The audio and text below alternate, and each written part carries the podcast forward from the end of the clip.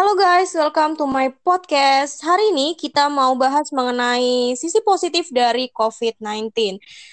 Yang kita tahu selama ini media selalu meng-up sisi negatif aja dari pandemi COVID-19 ini. Ternyata COVID-19 juga memiliki sisi positif. Apa aja sisi positifnya nanti akan kita bahas hari ini. Dan tentunya gue hari ini bakal ditemenin sama teman-teman gue. Yang pertama ada Nina. Halo Nina. Halo semuanya. Ya Nina. Halo Velia. Halo guys. Halo TJ. Halo. Dan satu lagi temen gue cowok satu-satunya di sini. Halo Aldo. Halo guys. Ya, sebetulnya hari ini kita bikin podcast untuk memenuhi salah satu tugas mata kuliah yaitu biologi konservasi. Ya. Nah, tapi di sini gue ditemani sama teman-teman gue yang juga merupakan perwakilan dari kelompok studi yang ada di biologi. Jadi guys, biologi UNJ itu punya empat kelompok studi. Yang pertama ada KSP Makaka. Perwakilan di sini ada Nina. Halo Nina. Hai. Dan TJ. Hai, sama nih ya bareng Nina. Iya, kebetulan Nina ini selaku ketua KSP Makaka yang baru banget. Barakallah ya. Terima kasih. Terima kasih Ya, yang kedua ada KPAR. Nah, Nina juga ikut KPAR. Ya, Ya, benar banget. Ya, jadi uh, gue Jadi, punya dua kelompok Selamat sini. Nina. Terima kasih Aldo. Ada KPAR dan KSP, Nina. Kalau KPAR tuh kayaknya keluarnya malam-malam ya, Nina? Iya, benar banget karena uh, fokus kita kan amfibi dan reptil, jadi kita ngamatin uh, binatangnya itu malam-malam karena mereka itu aktifnya di malam hari gitu. Wah, keren. Nih, wanita tangguh. Kalau kata orang nih ya, jangan macem-macem sama cewek biologi. Iya. Benar Asik. banget. Nanti Cewek biologi ular. tuh. Iya, benar benar benar. Cantik-cantik tapi udah biasa ngangkat galon. Statementnya bagus. Iya. Ya, lanjut lagi di sini yang ketiga ada teman gue Velia selaku perwakilan dari kelompok studi CMC Akropora Biologi UNJ. Velia. Iya, hai guys. Bisa Iya, iya. dijelasin nih kalau di CMC nih ngapain sih, Vel? Jadi CMC ini kan dia uh, kelompok studi yang bergerak di bidang konservasi kelautan. Ih, Jadi uh, suka ke laut nih, jalan-jalan ke pulau. Ih. Asik. Enak banget. Keren banget. ya? konservasinya biasanya di Renang di pulau. Iya benar Hmm. berenang-berenang ya di pulau. Keren Tapi keren. si Velia renang terus tetep putih ya. Iya benar Bawaan kita lahir itu kayaknya. gak ada berubah-berubahnya. Udah di pabriknya. ya, s- satu lagi teman gue nih cowok satu-satunya ada Aldo. Aldo ini perwakilan dari kelompok studi KPB Niktikorax UNJ. Bisa dijelasin Aldo, KPB ini apa? Ya Aldo, gangguan ya sepertinya sinyalnya. Tangerang kayaknya Ada sinyalnya. Benar. Ya, Lagi lanjut aja kali ya? ya. emang kayaknya Tangerang lockdown, sinyalnya juga ke lockdown. Pokoknya kalau KPB itu tentang konservasi di bidang aves atau kita biasa sebut burung. Keren banget Iya. nih anak-anak KPB juga udah kenal Ya. banyak spesies burung ya. Coba dok. Ya, kesalahan teknis. Tangerang di lockdown beneran, guys. Sampai nggak ada sinyal ya. Heeh. Iya, jadi gimana TJ? Iya, jadi KPB itu uh, kelompok studi yang bergerak di bidang konservasi aves atau burung. Jadi ya banyak banget nih teman-teman di KPB termasuk Aldo yang suka ngamatin burung, terus ikut lomba pengamatan Birdwatching, burung. iya benar-benar. Iya, uh, terus konservasi juga di ber- Apa bird watching? spesies. Nontonin burung? Bukan. pengamatan burung gitu loh. Itu kayak Halo. lomba. Oh, Oh, iya. itu Keren banget Aldo ada lagi keren Aldo. banget. Aldonya udah balik tuh. Oke tadi benar juga yang udah dijelasin sama Yuli. Terima kasih. Jadi Iya, eh, tambahin aja. kita ini KPB sebuah kelompok. Kalem aja tuh, jangan kaku-kaku. Oh iya. Jadi kita kelompok studi di bidang konservasi burung. Jadi kita di sini akan mengamati terkait burung sendiri serta habitat-habitat dari burung tersebut gitu teman-teman. Ih, Oh, keren gitu. banget emang dah kita.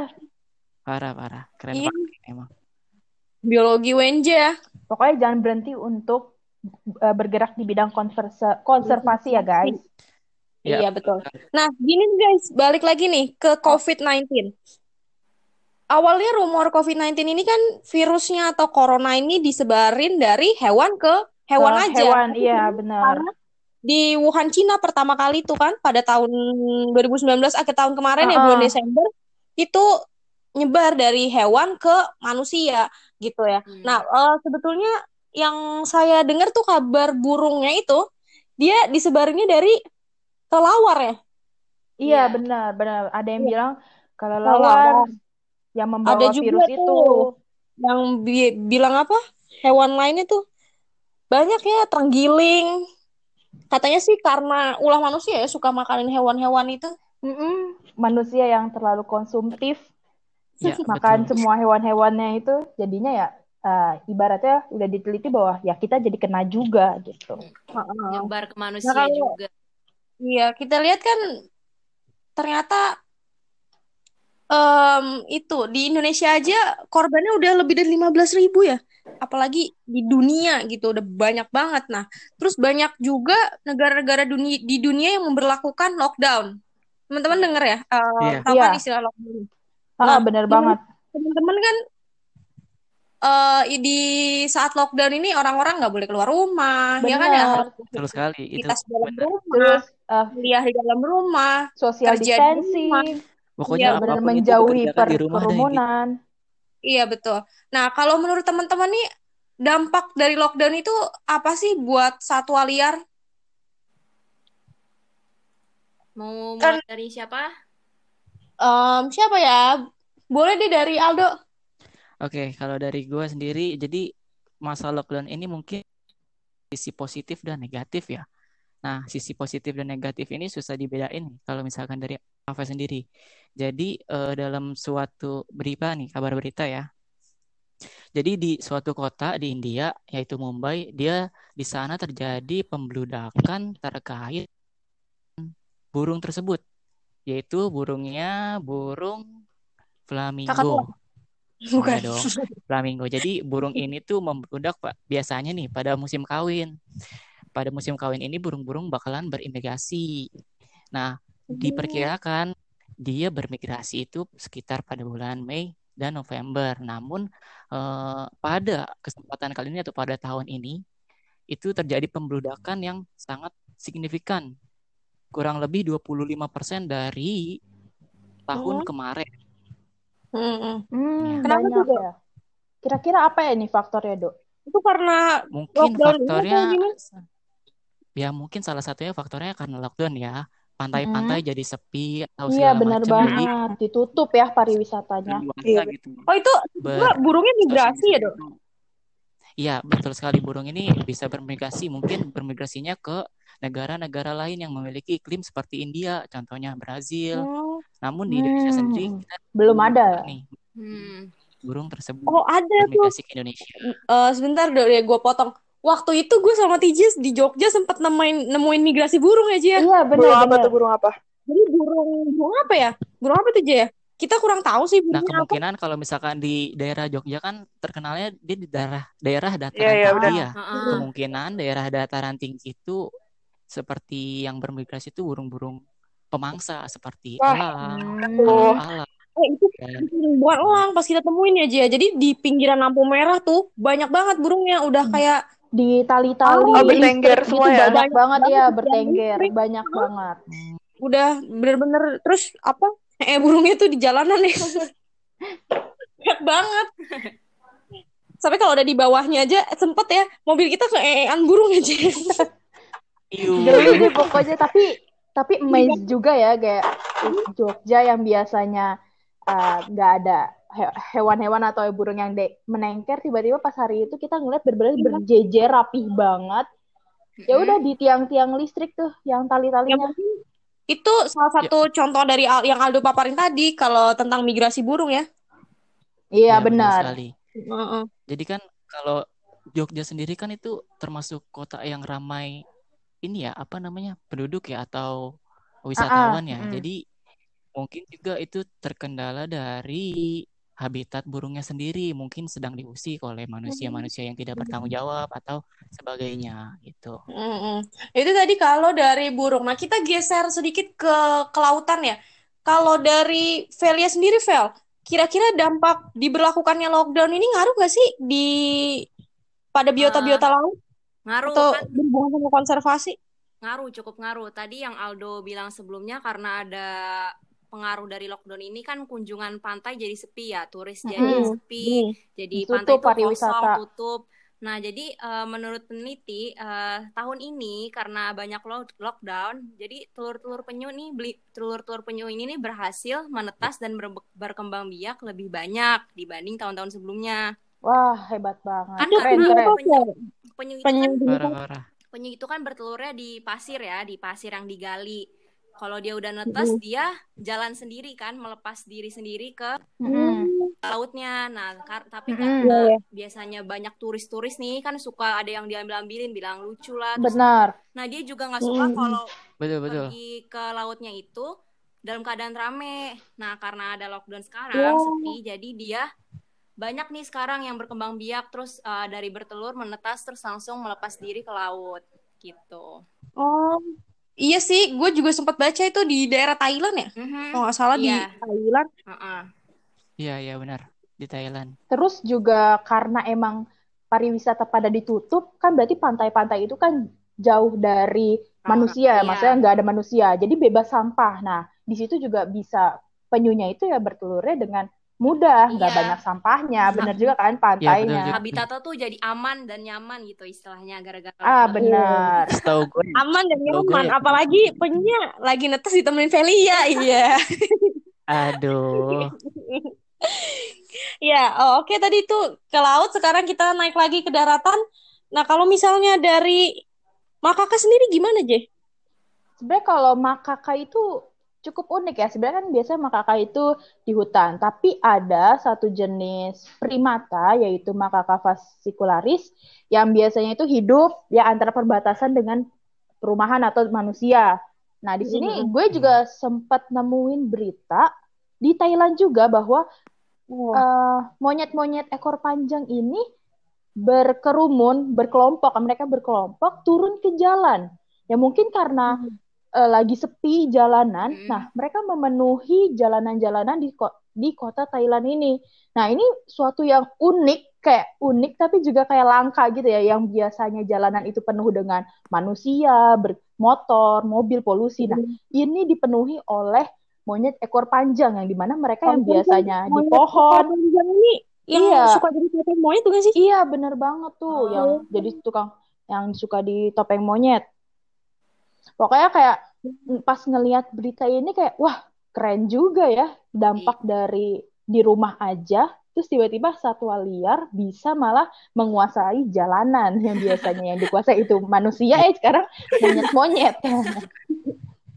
Itu pun manusia kalau keluar juga paling Iya, takut ya makanya harusnya jadi ya. kayak Isinya monyet semua ya. ah, ah, jadi kayak lagi berkreasi gitu yang biasanya manusia mengganggu ini jadi monyetnya tapi- bebas gitu. Monyetnya itu nggak bawa ini kan, Je? Motor-motoran, Enggak, mereka tetap mereka berkelompok, jalan-jalannya Oh, mungkin refreshing kali ya, gantian. Jalan-jalan kali ya ke mall. Kebetulan kan mallnya juga nggak ada manusia. Mm-mm. Bener-bener. Bener-bener. Iya, iya. Kalau misalnya, Nina, gimana Nin? Mau nambahin, Nin? Eh, nggak ke makaka sih, lebih ke apa ya? Ke mamalia aja. Jadi eh, yang pernah Ih, gue siap. baca tuh di Afrika Selatan itu singa-singa itu tidur nyenyak di jalanan. Kenapa? Karena nggak ada orang-orang. Waduh, Ya, bener, serem banget kan? Karena kenapa? Orang-orang kan pada lo- Nah, jalan tuh sepi sehingga eh, jalan-jalan itu dipakai buat tiduran singa gitu. Jadi Iya, seolah benar sekali. benar. ya kan bener kan pernah baca kan ceritanya? Itu, itu gue sempet lihat Ya. katanya sih hujan, terus rumputnya basah. Jadi mereka tidur di Oh, eh, Asik. jalanan. jalanan rebahan sepi. ya. Yang rebahan bukan Terus manusia aja, kasus singa juga rebahan. kasus begini juga di Indonesia ada tahu. Oh, Kalau nggak gimana salah kan penutupan eh, ini loh, penutupan Taman Nasional Alas Purwo. Nah, di situ tuh Oh. ternyata satwa-satwa liar itu udah mulai beraktivitas seperti normal Wah. kayak nggak ada manusia gitu jadi di, kalau misalkan biasanya kita ngeliat di sana nih eh, jarak antara kita ke hewan tersebut tuh sekitar satu kilo untuk. Ah, ah, mengamati. ah. Jauh Kalau- ya. kemarin setelah saya baca-baca dari CNN Uh-uh. Indonesia bahwa jarak yang bisa kita lihat dengan satwa tersebut itu hanya sekitar meteran, Wow. hanya sekitar 100 Hmm. meter gitu. Jadi Pantes. deket banget kan? Momen-momennya seru banget tuh kayaknya. Tapi kan kita sedang stay at home. Iya, betul. Iya betul.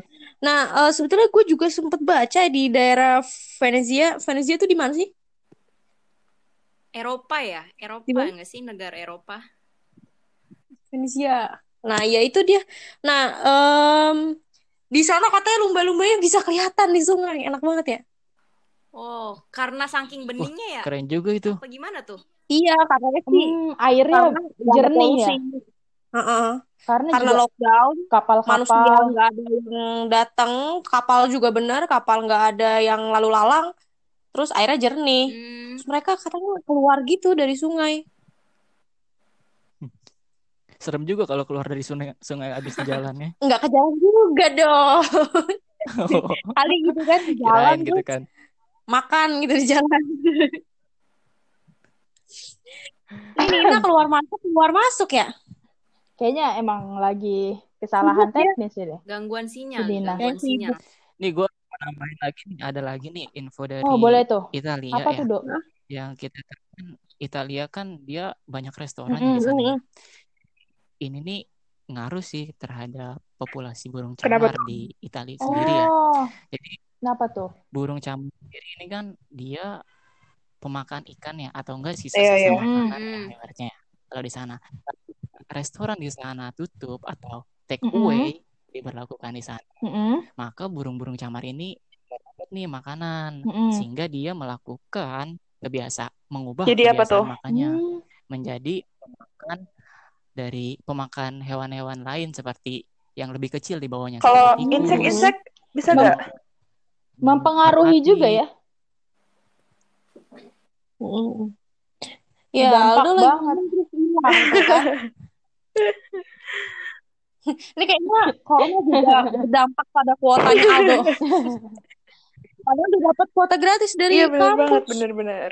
Terus apa lagi nih? Oh iya, Tapi tapi menarik juga yang tadi dibilang Aldo bahwa burung yang punya kebiasaan makan dari sisa-sisa manusia, tapi karena dampak corona dan lockdown ini yang kita sendiri di rumah berdampak pada perubahan dari perilakunya, iya perilaku benar. burungnya. Itu bisa masuk ke Ah, evolusi gak sih kira-kira? Wah, itu kayaknya bakal lama deh. Iya. Itu Ya, mata kuliah lain. Min. Sih Cukup nggak akan bahas ke arah sana gitu. misalkan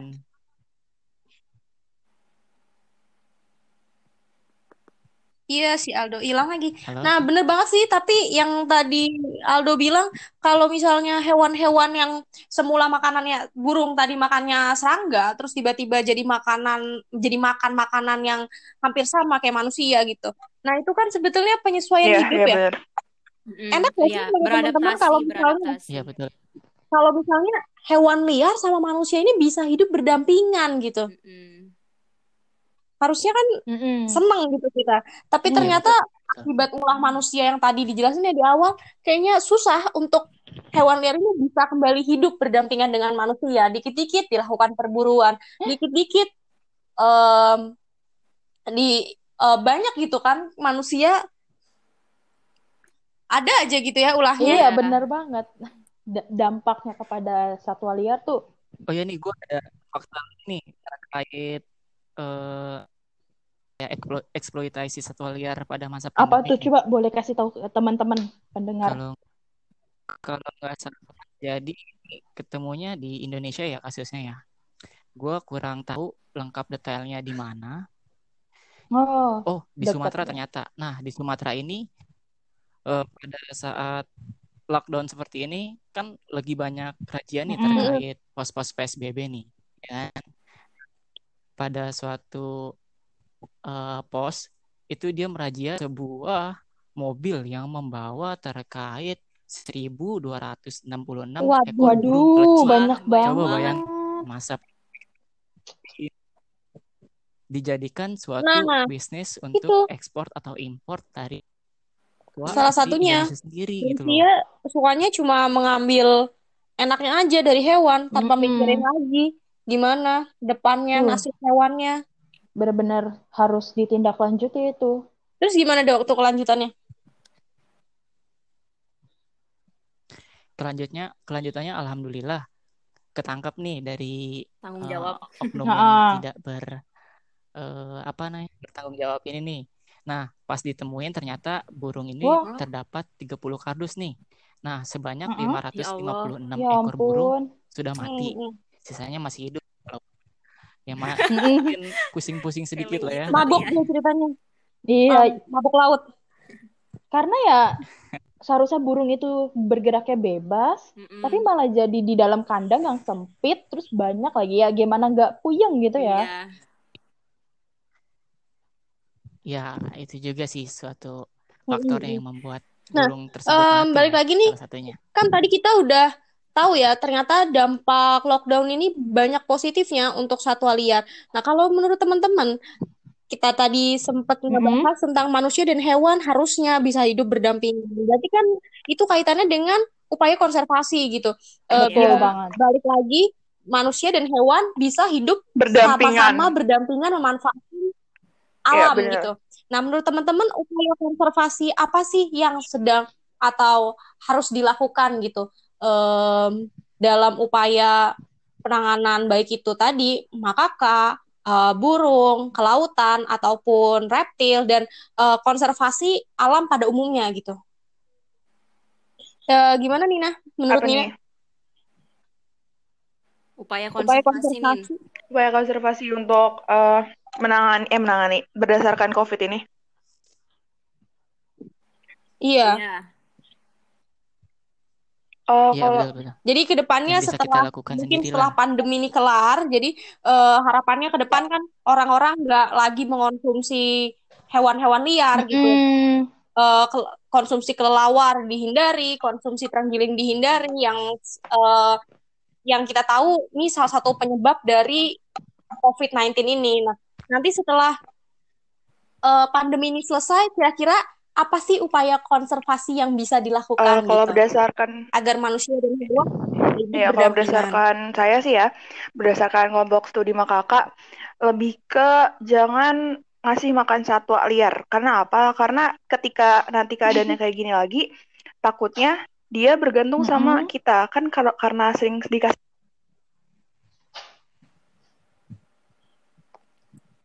Halo? Ya, Tiji bisa Halo, deh.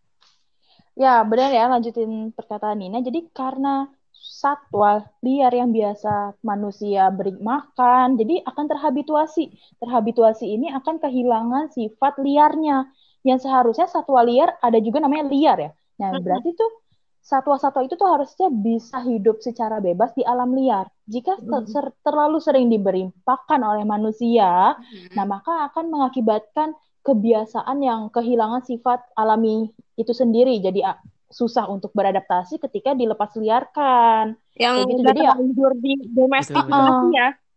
iya benar. jadi manja Jadi ya. ya mending kalau boleh merawat, merawat, eh, tapi juga harus dipikirkan sifat alami dari satwa Betul, tersebut. betul. Jangan dihilangkan. Karena tidak semua Gitu. hewan ternyata juga bisa Iya, betul, dipelihara. betul, betul, betul. Untuk memelihara Betul, hewan betul. liar pun banyak syaratnya.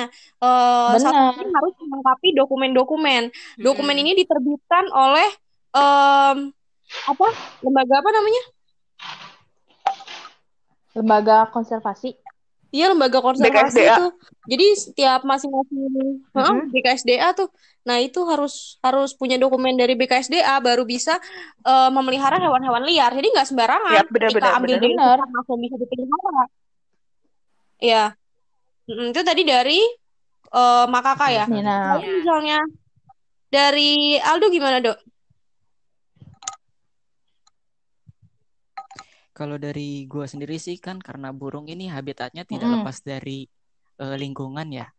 Sebenarnya kalau pas lagi lockdown ini sudah bagus kan di terbit eh, diperlakukan ya. Jadi meminimalisir peng- Mm-mm, pengeluaran benar sampah di kawasan-kawasan Mm-mm. alam seperti gitu kan karena kan lockdown sendiri. Nah, itu merupakan hal yang bagus itu Mm-mm. menurut gua. Hmm. Berarti minimalisir sampah. Kalau dari Velia sendiri gimana Vel untuk lautan? Sama karena konservasi karena laut itu masalah utamanya sekarang itu sampah. Jadi kan kita Benar banget. eh, pa- tindakan yang paling kecil deh seenggaknya yang dapat kita lakukan itu seenggaknya nggak buang sampah sembarangan Iya, kan. benar, setuju, setuju, setuju. Nah, terus kalau Betul, betul, betul, masalah betul. eh, penyu tadi, penyu kan juga termasuk hewan yang langka ya. Mm-mm. Cuma mas sayangnya ini masih banyak eh, masyarakat-masyarakat yang bandel yang nggak meng- apa menganggap sepele hal itu masih entah nelayan diperjualbelikan. Iya. Jadi penyu ini juga perlu di apa ya ditangkar gitu, penangkaran penyu Mm-mm. gitu. Ya betul. Eh, harusnya juga penangkaran penyu ini jangan terlalu banyak gitu ya jadikan tempat wisata. Karena kan Iya. penyu Iya. untuk bertelur dia butuh te- ketenangan gitu. Heeh, betul banget. Iya betul. Iya, betul. Ya, sama tempat penangkaran. tenang lah ibaratnya. Penangkaran penyu juga tujuannya ya untuk membantu pertumbuhan si bayi-bayi penyu ini ibaratnya kan. Habis Hmm. itu akan dilepas liarkan, bukan dipertontonkan. Setuju, Iya setuju. betul. Iya. Soalnya- em, nah terakhir nih, kalau ada nggak sih pesan kalian gitu selaku Konservasionis. orang yang bergerak di bidang konservasi? Apa nih? Ini nah hilang Ya, lagi ya ya. dia.